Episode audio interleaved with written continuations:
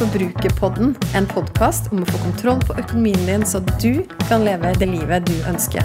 Jeg heter Kjersti Grønseth, er trebarnsmor og økonom, og er kanskje aller best kjent som forbrukerfrue. La oss snakke litt om forbruk, for alt starter med det.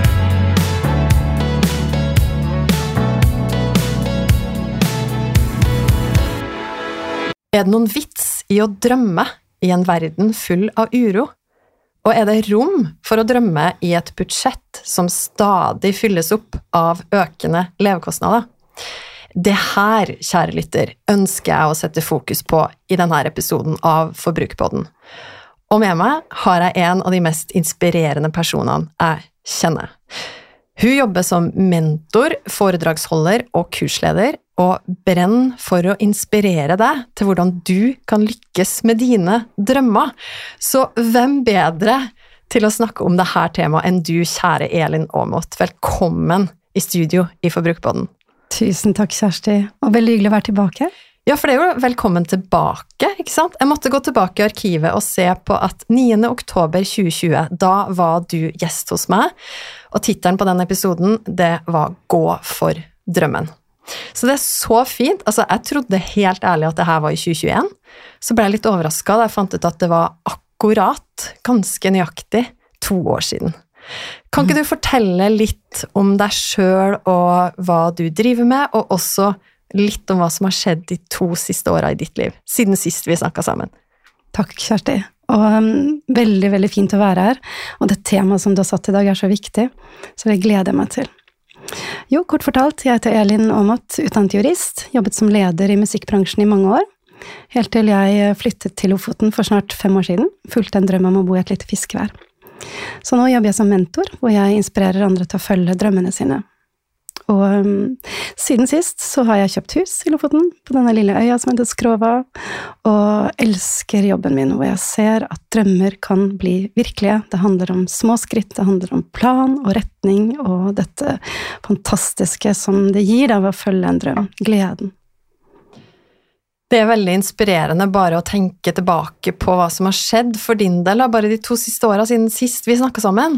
Og i den episoden anbefaler jo for øvrig å gå tilbake til den, du som hører på nå og som ikke har fått med deg den episoden, for der får du enda mer av Elin sin eh, superinspirerende historie. Det, episodebeskrivelsen den gangen var jo hva er det som hindrer oss i å følge drømmen, og er økonomi en av de største grunnene? Og hvordan er det mulig å overvinne hindrene og satse på drømmen likevel? Det var noe av det vi snakka om da. Og så har jo vi hatt kontakten, du har jo også vært litt mentor for meg, Elin. Og jeg blir jo alltid berika og inspirert på personlig plan også når vi snakker sammen. Og jeg vet jo at du også inspirerer så mange andre, blant annet gjennom Instagram, hvor det vel var der vi ble kjent i første omgang. Ja. Og nå så kommer vi i prat igjen om det her temaet bekymringer og drømmer, egentlig, etter at jeg la ut en enkel spørreundersøkelse på min Instagram og i nyhetsbrevet mitt. Og der spurte jeg følgerne og leserne Da stilte jeg fire spørsmål. Da spurte jeg egentlig hva er det som bekymrer deg mest i økonomien din akkurat nå? Hva er det som er mest krevende i hverdagsøkonomien? Hvilke drømmer er det du har? Og hva er det som skal til for å nå de drømmene. Og jeg fikk inn veldig mange svar, og jeg, tror jeg fikk nesten 1000 svar totalt, og har gått gjennom hvert eneste svar. Og det er jo ikke overraskende, men det er jo veldig mye det her med økte levekostnader som bekymrer folk. Men det jeg ser, det var faktisk nesten litt vanskelig å se mønster, for jeg vil si at drømmene, de var like store for de fleste, litt sånn uavhengig av om man er bekymra for økte levekostnader akkurat nå. Og du sendte meg også en lang mail der du skrev rundt dine tanker om dette temaet. Kan ikke du bare dele litt hvorfor du tenker at det er så viktig med nettopp det med å drømme? Når vi er i den verden som vi er i akkurat nå. Jo, veldig gjerne, Kjersti. Takk. Og takk for fine ord. setter jeg veldig pris på. Og takk for at du løfter opp dette temaet. fordi at når vi er i nedgangstider som det er nå, så er det veldig lett å gå i en slags overlevelsesmodus, hvor man bare skal overleve. Og man tenker kortsiktig og sitter stille i båten, og det er klart, jeg tror det er ingen som er uberørt av alt som skjer i verden, både uroligheter og ikke minst da økonomiske økte dieselpriser, bensinpriser, strømpriser, renta, ikke sant. Så da havner vi lett i denne overlevelsesmodusen. Det at man er i noe man ikke trives så godt i, at man skal holde ut, og at man blir lammet av frykt, og at man gjentar det samme og det samme og det samme. Men denne overlevelsesmodusen, eller denne rundkjøringa, som jeg kaller det litt, den er lett å havne i eh, uansett nedgangstider. Og jeg har vært i den i så mange år selv, så jeg kjenner den sånn på kroppen, hvor vondt det er å sitte fast i en sånn der, så blir det jul, og så blir det påske, og så, så går nå dagene, da, ikke sant? Så hva gjør man, og hva gjør vi når det er nedgangstider, og hvorfor er det viktig da å løfte blikket? Jo, det er så viktig å løfte blikket og tørre å drømme. Fordi en drøm gir deg en retning i livet. En drøm gir deg pekepinn på hva som kan være gleder for deg. Du kjenner den boblende følelsen inni deg at 'åh, det her kunne vært noe'. Og hva det er for hver enkelt, det er veldig, veldig individuelt. Men jeg tror lytterne kjenner 'åh, den der gode følelsen av et eller annet som du ønsker deg'. For det er det en drøm er. Det er en endring i livet ditt som ikke du har i dag, men som du ser for deg. Og dette er en evne som vi er født med. Evne til å visualisere, evne til å drømme, det er noe vi har. Og som barn så har vi den veldig sterkt. Vi bare sånn Åh, drømmer stort. Men så mister vi den litt på veien. Å være i denne rundkjøringa hvor alt er på en måte litt sånn holde ut, den forsterkes i nedgangstider. Og det er helt åpenbart. Bare vi skrur på nyhetene, så blir man jo lammet av frykt. Og det gjør at man på en måte ikke kommer seg videre. Da. Man tenker at nå skal vi bare holde ut til dette er over. Men det er da man trenger en retning. Det er da man trenger å skru av støyen, sette deg med deg selv, skogen ved vannet, noen du har tillit til, noe som gjør deg vel, og tørre å spørre deg spørsmålet hva vil jeg egentlig aller mest akkurat nå? Fordi at når man begynner å drømme og begynner å sette en retning på skuta, så skjer det et eller annet fint. Da er det gode følelser som kommer, som har med håp, glede, mestring. Og jeg skal love deg, vi trenger de følelsene nå for å komme gjennom hverdager og nedgangstider. Men en nedgangstid, det eneste som er sikre, er at det er fullt av en, oppgangstid. som varer ikke for alltid. Men det er derfor det er så viktig å drømme i nedgangstider. Hm. Det er en veldig positiv måte å se det på. Og du Elin, som mentor og som foredrags- og kursholder, så er jo du i berøring med veldig mange mennesker. Og merker du noen forskjell nå, fra bare ja, de siste fem åra, da, hvor du egentlig har gått mer og mer inn i den tematikken? Um, jeg er litt som deg, Kjersti, at jeg um, opplever at drømmene er faktisk ganske konstante. Man, når man våger å stille det spørsmålet og våger å gå inn der, så er uh, drømmene, når man banker på den døra, for å si det sånn, så er de konstante hos menneskene. Men så er det ikke alltid at vi tillater oss det. Så det er derfor uh, jeg fins, blant annet å gjøre den jobben jeg gjør, for å gi tillit og gi konkrete verktøy for at drømmene kan bli virkelighet og kan bli planer og kan bli til noe man realiserer. Så min største erfaring snakket, du spurte meg litt om, om, hva som har skjedd siden sist, og, og noen av erfaringene som jeg har gjort meg siden sist, er at det er overraskende få ganger hvor økonomi er på en måte det avgjørende da, i å følge en drøm. Det er veldig få av de jeg jobber med, og også ser i mitt eget liv, at det på en måte kommer sånn rik onkel i Amerika med masse penger, og så er alt løst. For å følge en drøm, det handler ikke om det. Følge en drøm handler om å følge en, en stemme inni deg som vil en retning, og kanskje ikke den retningen alltid er logisk for deg, kanskje ikke de rundt, men det er noe du våger å følge, og det handler ikke egentlig om økonomi. Mitt motto er at litt er mulig. Sett av litt tid til drømmen din hver dag, eller jevnlig. Og det er ikke økonomi som er avgjørende. Det er de små skrittene, og det er den langsiktige planen som er avgjørende. Så jeg er helt slått i bakken over hvor mye guts det fins der ute, hvor mange drømmer som fins, hvor mange nydelige drømmer som, som fins. Man våger å stille de spørsmålene. Hva ønsker du deg aller mest? Istedenfor å være i den derre at man gjentar og gjentar og gjentar det man ikke vil ha, da. Mm. Men opplever du at du får flere henvendelser nå gitt eh, de eh, tingene som skjer rundt oss i verden nå, og i privatøkonomien. Er det, er det, flere, hvis det går an å svare på det, da, reflektere litt rundt det, er det Opplever du at flere åpner opp for de drømmene, eller er det motsatt, at man egentlig da lukker seg litt for å, for å drømme i en sånn tid som vi er i?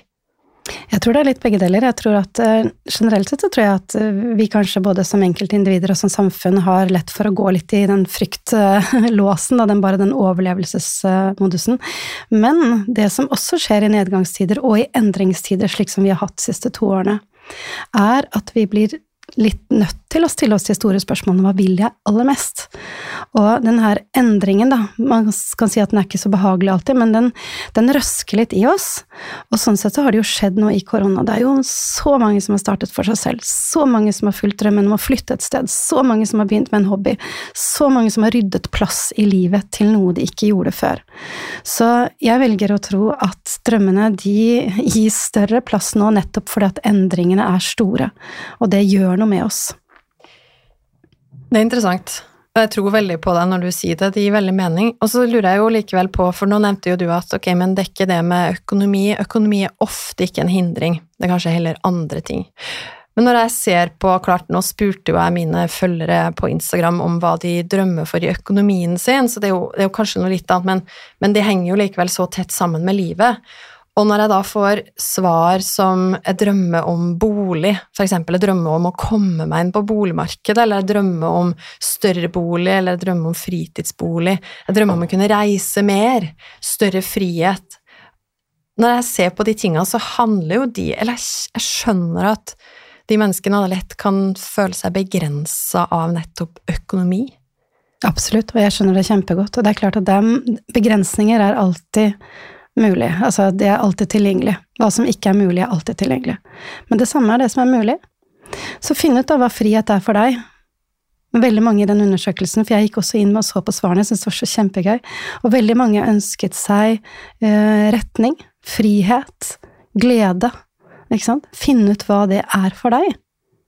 Hva er det for deg? Jo, er det bare knyttet til en stor bolig, eller er det noe annet? Kan vi skape frihet innenfor det vi allerede har? Vi er litt nødt til å tenke litt annerledes, og det er ikke bare usunt. Det kan godt tenkes at det også kommer noe godt ut av dette. For det er jo, i mitt hode så er det tre gode grunner til at man skal følge en drøm i en nedgangstid. At nettopp nedgangstider gir en mulighet til å følge en drøm. Og det første er det som jeg var litt inn på allerede, at en nedgangstid, altså en sånn som vi er i nå, hvor matvareprisene har økt 12% fra september i fjor til i år, det er klart at det gjør noe med med oss. Det er en endring. Men det gjør også at vi er nødt til å stille oss spørsmålet, se oss selv i speilet og si ok, hva er det viktigste? Hva er det viktigste for meg nå? Hva er det viktigste for oss nå? Den derre hvorfor Altså, hvorfor ikke nå? Hvis ikke nå, når da? Bruke den endringen det er, til å skape gode endringer i sitt eget liv. Eller på familielivet. Det andre er det som jeg var litt inne på i stad, dette med den motvekten som man trenger. All den frykten og det som vi kjenner på nå, den er litt tunge sånn oh, det er krig og uroligheter, det er økte priser overalt, den er oh, ok, våg å drømme, våg å sette retning på skuta. Da vil du få økt glede, mestring, håp, du vil få en retning fra kanskje sitte i kassa på Rema eller en skobutikk eller et eller annet, da. kanskje du ikke er i en jobb du trives engang, men med en gang du har satt en retning, med en gang du har begynt å drømme, og legger en plan, så blir det meningsfullt, det du gjør. Da kan du sitte i den kassa, kanskje ikke du liker det, men du sier at ok, den ekstra vakten gjør at jeg kan kjøpe meg de malekostene, eller gjøre det, eller, eller skrive en skisse til en bok, eller hva det skal være, da. Og du trenger den motvekten av den, den, de gode følelsene, rett og slett. Og det siste er selvfølgelig ikke vent på livet ditt. Fordi at den største hindringen til drømmene, det er vel den største erfaringen, Kjersti, siden jeg var her sist, det er ikke økonomi. Det er det at vi skal utsette. Vi skal, vi skal vente med å drømme til barna er store, til økonomien er stabil, til huset er ferdig bygd, til det blir vår, til man blir gammel nok, til man ikke sant, et eller annet. Så vi setter livet vårt på vent. Vi skal drømme når, vi skal begynne å leve når. Og det er jeg uenig i. Jeg mener at vi skal leve her og nå. Følge drømmene her og nå. Tørre å stille spørsmål hva vil jeg egentlig aller mest? Tørre å se deg i speilet. Tørre å si det høyt til kjæresten din eller mannen din, eller de, de du har nære, da. Så du tenker egentlig at nettopp nedgangstid er et perfekt utgangspunkt for å koble på en drøm som man ja. kanskje egentlig har? Ja, det mener jeg.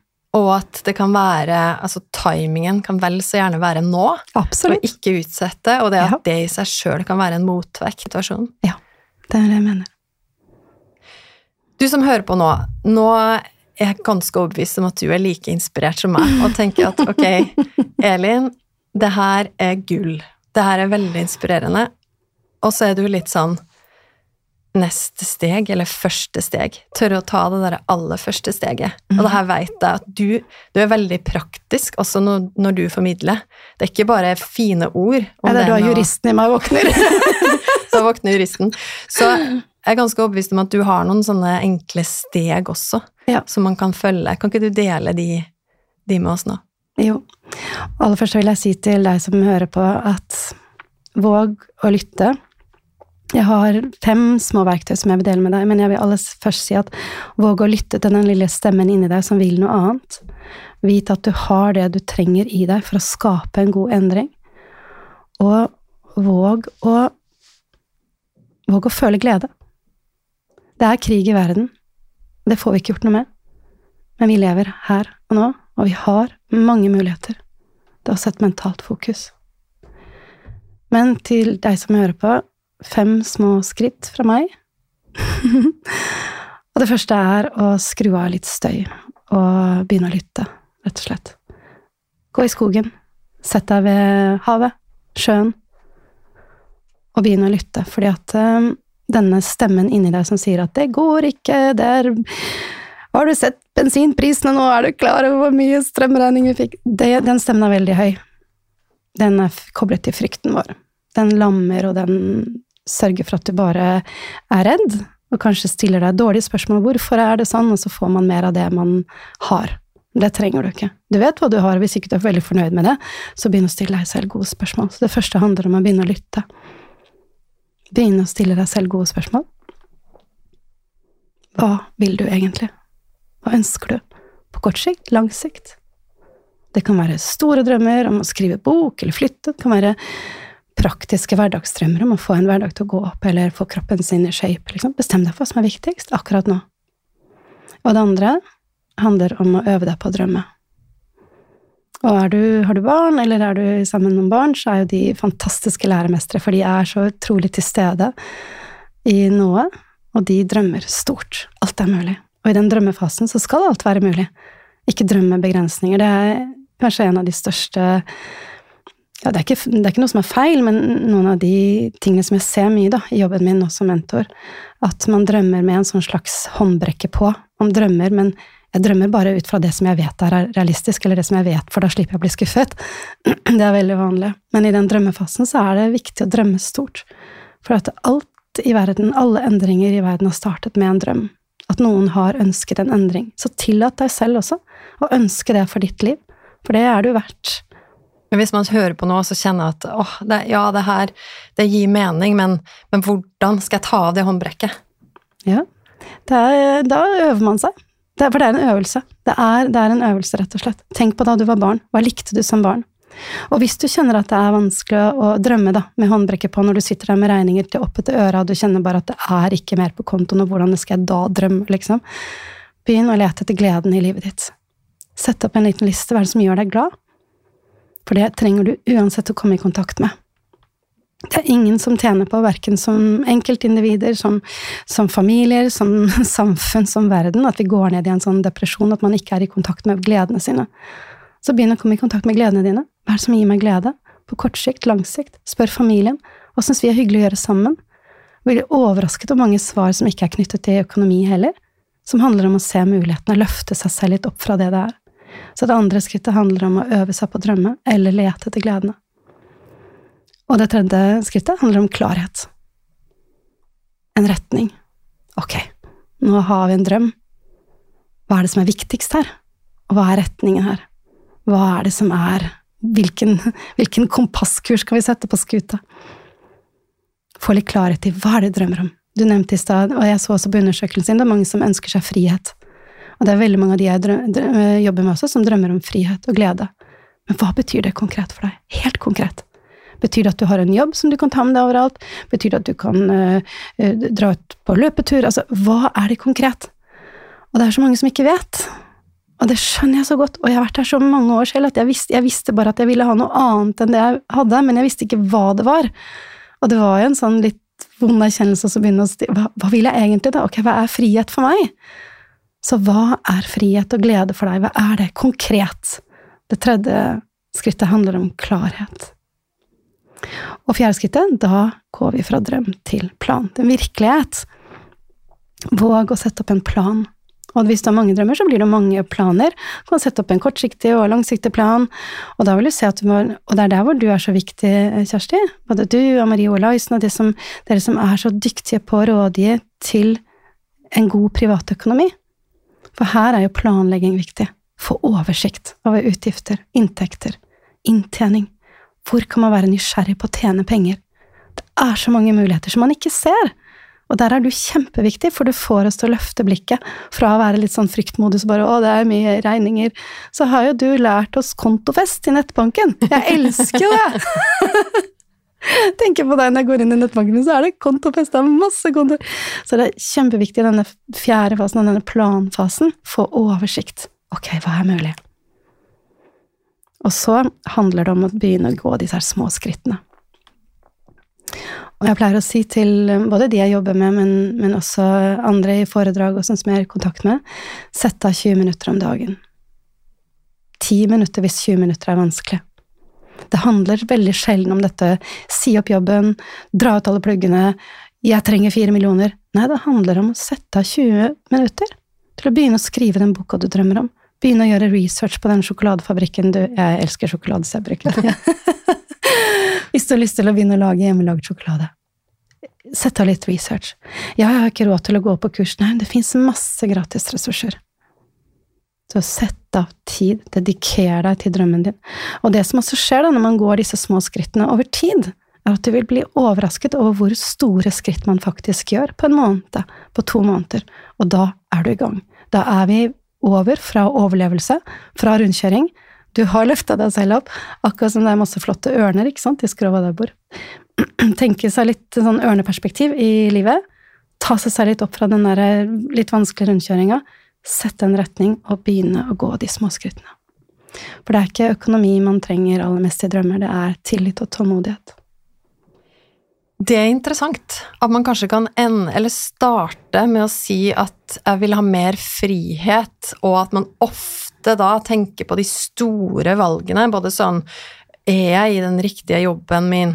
Bor vi Altså, åh, vi skulle hatt mer plass, ikke sant? Eller vi skulle hatt et stort reisebudsjett, så vi bare kunne dratt hvor vi ville. Det er frihet. Men når jeg hører på deg nå, så tenker jeg at ok, det kan være et utgangspunkt, hvis man tar de stegene her, og tar de på alvor, så er det ikke sikkert at det er der man ender. Nei, og det er det som er så spennende med drømmer, at drømmer gir en retning. Det gir deg litt ut av den rundkjøringa, den der overlevelsesmodusen som ikke er så god. Men det er ikke alltid at drømmen ender der hvor man tror. Og det er egentlig like fint. For at en drøm gir en mening i seg selv. Du får en økt mening og glede og mestring i livet ved å følge noe som du tror på. Og jeg vil tippe at lytterne her, hvis dere setter av litt tid om dagen, så er det veldig veldig få som vil komme til deg om et år og si 'Å, jeg angrer på at jeg fulgte den, den stemmen inni meg'. For det, det motsatte som skjer, og jeg ser det gang på gang på gang på gang, ikke bare i mitt liv, men også de jeg jobber med, det å følge noe godt og riktig for deg, det vil alltid gi deg et eller annet. Kanskje ikke du ender opp der hvor du trodde, men så vil du ende opp på noe annet fint, da. Og sånn som du nevnte, hvis man har en, en familie som At frihet og drømmene er bare å reise. Ok, hvordan kan vi skape det i vårt liv nå? Kan vi dra på telttur? Kan vi utvide den derre mulighetssona? Vi, vi, er i den følelsen som vi ønsker å ha. Så vet vi at vi kanskje har lyst til Det er kanskje eh, Bali eller Singapore, kanskje Ja, men ok, vi begynner, vi begynner med den følelsen. Den gjør vi plass til. Den prioriterer vi. Den setter vi, drar ut i skogen. Og da er det veldig, veldig, veldig mye fint som skjer. Og det det egentlig handler om, er hvilken del av oss vi har lyst til å leve fra. Mye her handler om å komme fra et uh, overtenkende, overarbeidet uh, hode og ned til hjertet. Jeg sier ikke at man skal kaste all fornuft på bord, absolutt ikke, vi trenger begge deler, men vi er preppa på frykt, og vi trenger å leve med litt andre deler av oss også. Så du som hører på nå, nå kan det hende du tenker at å, denne episoden må jeg høre flere ganger, fordi her er det veldig mye konkret visdom. Jeg skal kjapt uh, gjøre en recap på de fem stegene, for jeg tok nemlig notater underveis nå, Elin, også til meg sjøl personlig. Så, og du som hører på også, de fem stegene altså. Nummer én, skru av støyen, lytte inn og stille gode spørsmål til deg sjøl. Nummer to, øve deg på å drømme, lete etter gleden i ditt liv. Nummer tre handler om klarhet, retning og bli konkret. Kanskje du har staka ut Eller det handler om å begynne å stake ut kursen på kanskje den ene eller de drømmene som du, som du da har øvd deg på, og som har blitt mer konkret allerede på det tidspunktet. Nummer fire fra drøm til plan. Nummer fem begynne å gå små skritt. Sett av 20 minutter hver dag til din mm. drøm. Litt er alltid mulig. Litt er alltid mulig. Du vet Elin, hvordan man kan bli når man i hvert fall kan jeg bli det når jeg, hvis jeg bestemmer meg for nå skal jeg gå inn og oppdatere meg litt på nyhetene. Og det jeg gjort litt uh, i det siste. Jeg har gjort det på kvelden, det vet jeg at det ikke er et anbefalt tidspunkt å gjøre det på, men hvordan man da kan sitte igjen etterpå med en litt sånn tung følelse, tung til sinns, fordi at det er så mye som skjer akkurat nå. Denne episoden her for meg er helt motsatt. Den her er sånn lett til sinns, og den er sånn det gir mening, det du sier, og jeg er sikker på at du som hører på også, nå Jeg veit ikke hvilket sted du kom fra. Kanskje du var litt som meg, at du var litt prega av litt uro om dagen, av ulike årsaker. Eller at du eh, kjenner at eh, ja, men jeg har det kanskje ganske greit, men det er også det jeg har. Jeg har det stabilt, men, men kanskje er det noe mer. Jeg er sikker på at du nå har fått noen flere lyse tanker å tenke på, blitt inspirert av deg, Linn. Takk skal du ha, Kjersti. Og jeg vil si at til du som hører på Hvis du skal begynne ett sted, da, så begynn å gi deg selv litt inspirasjon hver dag. For du nevnte nyhetene. Kanskje er det mulig å bytte ut en av nyhetssendingene med noe som inspirerer deg. Begynne der. Hvis, hvis det er veldig sånn, ikke sant, veldig mye frykt, veldig redd, og jeg forstår alt sammen Det er så mange, mange endringer nå. Sett av den der lille ti minutter, 20 eh, minutteren for deg selv, hvor du sitter og leser noe som inspirerer deg, noe som du kjenner gjør deg godt.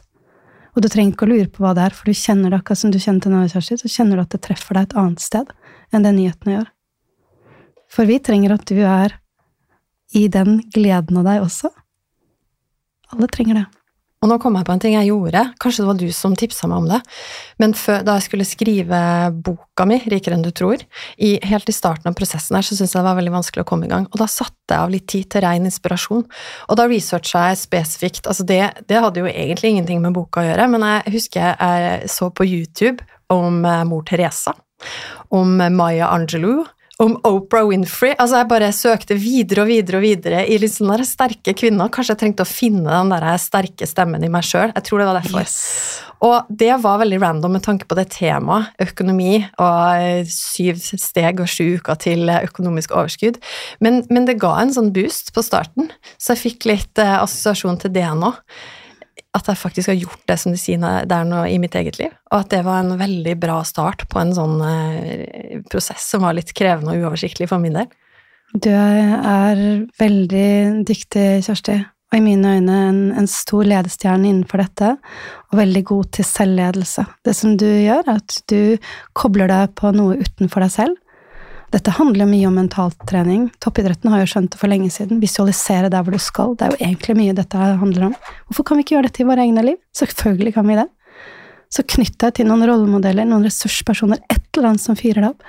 Eller som Erling Kagge sier, han har en stein ofte foran seg som han har med seg for han trenger å, på skrivebordet foran seg, for han trenger å minne seg selv på naturen når han sitter på Alt handler om hva som gir deg en gjenklang inni deg selv.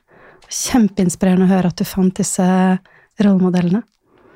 Og det er noe som alle kan på en måte gjøre. Finne Og det kjenner du igjen, da. Hvilke personer, hvilke Er det en bok, er det et bilde, er det en stein? er det hva det er? ikke sant? Koble deg på noe utenfor deg selv. Fordi at nyhetene, det får oss i en annen modus. Helt sant. Og da vil jeg også slå et slag, nå går vi inn for landinga av denne episoden, på å rydde opp litt i Instagram-feeden sin. Altså, Én ting kan jo være at uh, i, i, nedgangstider så søker vi nyheter, men, men uh, hvis du som hører på er lite grann som meg, så blir du også fort litt sånn rastløs og litt sånn ok, men hva jeg burde egentlig eh, gjort noe positivt oppløftende for meg sjøl nå, men så ender jeg bare med å scrolle eller et eller annet sånt, Så det kan være veldig positivt. Det kan også være destruktivt. Men hvis du da finner sånne profiler som Elin på Instagram, så får du flotte naturbilder fra skrova i Lofoten, og du får de her herlige, inspirerende ja, den inspirerende visdommen som Elin deler. Så det kan jeg jo også tipse om, da. Takk skal du ha. Helt til slutt. Og så vil jeg igjen takke deg for at du ville komme tilbake hit to år senere med om mulig enda mer visdom.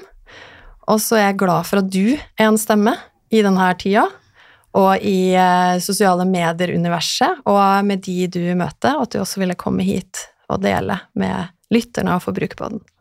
Tusen takk, Kjersti. Og jeg er så glad for at du knytter drømmer og økonomi. For at for veldig mange så gir det en begrensning. Men uh, med deg så gir det muligheter. Og det er så uendelig mye kraft i det. Så tusen takk for at jeg fikk komme. Jeg vil gjerne vite hva du tenker etter å ha hørt episoden. Så koble med meg på Instagram. Der finner du meg som forbrukerfrue. Send meg en melding. Tagg meg gjerne i Story og del episoden her hvis du likte den. Eller send meg spørsmål. Og husk å abonnere på podkasten Forbrukerpodden, så får du beskjed hver gang det kommer en ny episode. Vi høres!